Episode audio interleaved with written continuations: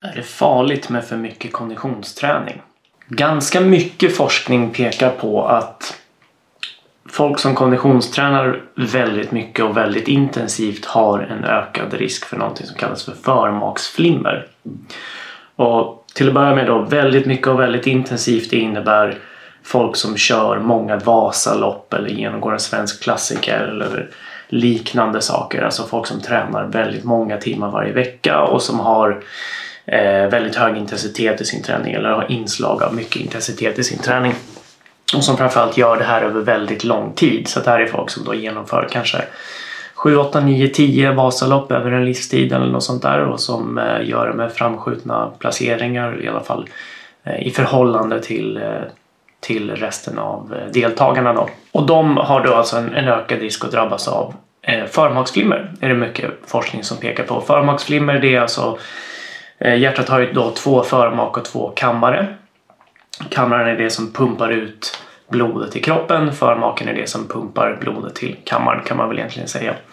Eh, och förmaksflimmer är då att det blir en oregelbunden rytm på, på förmaken vilket i sig eh, medför en ökad risk för hjärt-kärlsjukdom och stroke. För att man får en ökad risk för blodproppar. Det här har ju då många dragit växlar på och menat på att för mycket då konditionsträning medför en ökad risk då för stroke till exempel.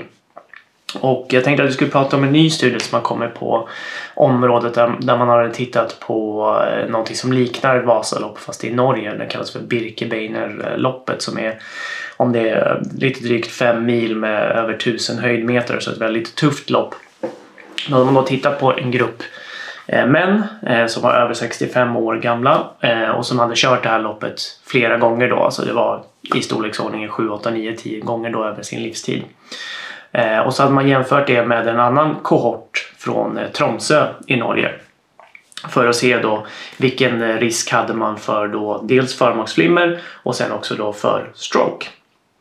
För det man egentligen inte behövde visa på här är att risken för förmaksflimmer ökar med eh, liksom ökande deltagande i de här loppen eftersom det vet man i stort sett. Utan det man egentligen ville titta på det var om det här medför en ökad risk för stroke. Så då jämförde man de här två grupperna då och tittade på deras bakgrundsfaktorer som till exempel då om de rökte, hur mycket alkohol de drack, hur mycket de rörde sig i övrigt, om de hade andra eh, sjukdomar som hjärt-kärlsjukdomar och diabetes och sådana här bitar. Och så jämförde man då risken för dels då förmaksflimmer och sen för stroke.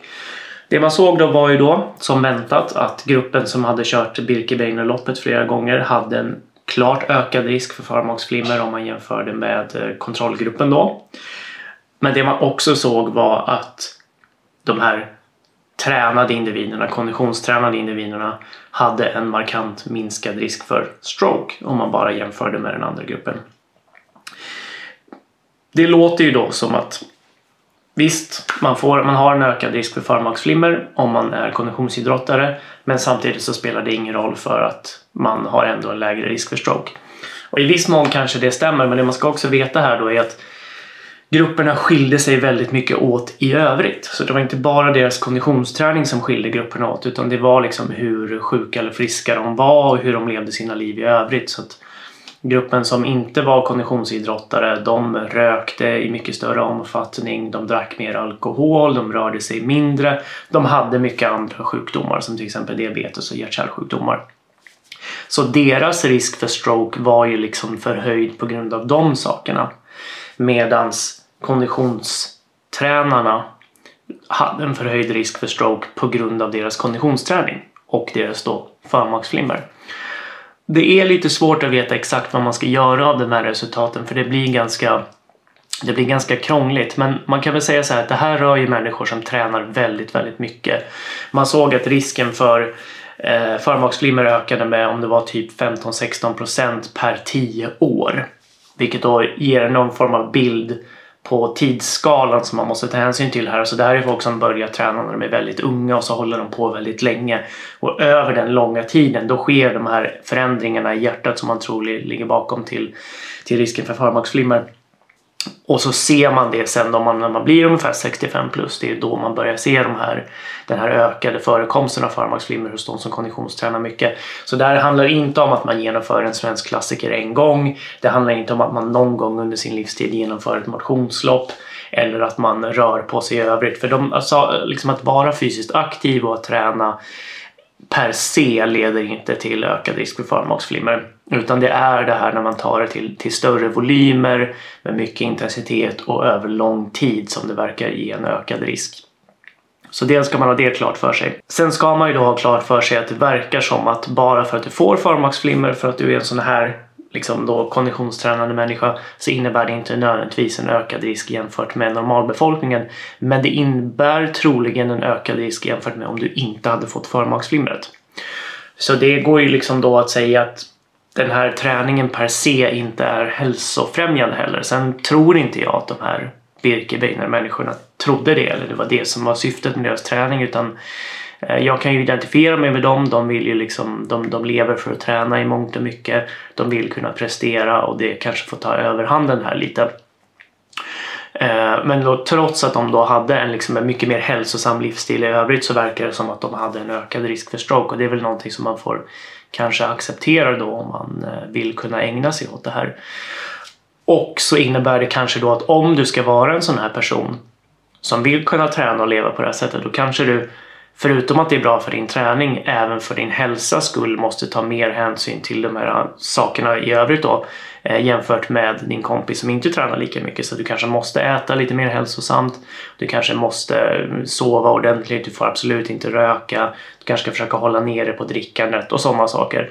Alltså det blir viktigare när du har den här riskfaktorn som den här liksom då relativt extrema konditionsträningen verkar vara.